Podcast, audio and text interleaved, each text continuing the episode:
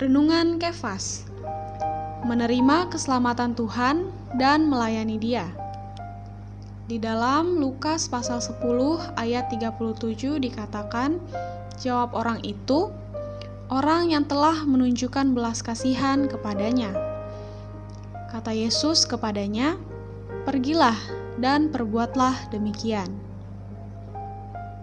Kita telah nampak bahwa nama Marta mungkin berasal dari bahasa Aram dan berarti ia bersifat pemberontak. Dan bahwa nama Maria berasal dari bahasa Yunani Miriam yang berarti pemberontakan mereka. Kata-kata ini berasal dari akar kata yang sama. Satu akar kata yang berarti pemberontak atau pemberontakan. Namun, Mungkin saja seorang yang memberontak menjadi seorang yang taat. Dalam alamiahnya, Maria bersifat pemberontak, tetapi ia menjadi taat bukan hanya kepada belas kasihan dan kasih Tuhan, melainkan juga kepada keinginan dan kesukaannya. Karena itu, dalam Perjanjian Baru, Maria adalah satu-satunya orang yang menjamah keinginan Tuhan sampai pada puncaknya. Kita semua harus menjadi seperti Maria dalam mengikut Tuhan dan dalam melayani Dia. Sobat Kefas, dalam mengambil Maria sebagai satu teladan, kita perlu ingat bahwa ia asalnya bersifat pemberontak.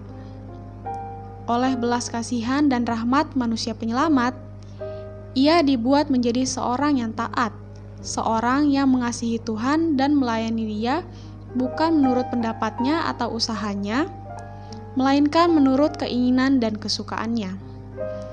Di sini kita nampak jalan bagi kita untuk diselamatkan dan jalan yang tepat bagi kita untuk melayani Dia.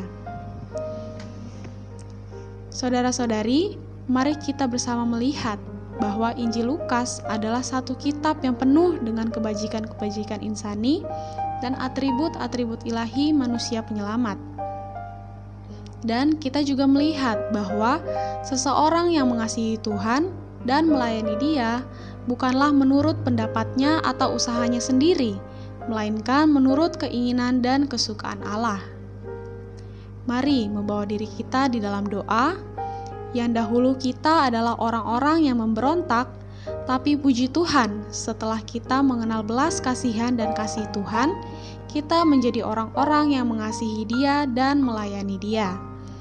Puji Tuhan, saudara-saudari, Tuhan Yesus memberkati.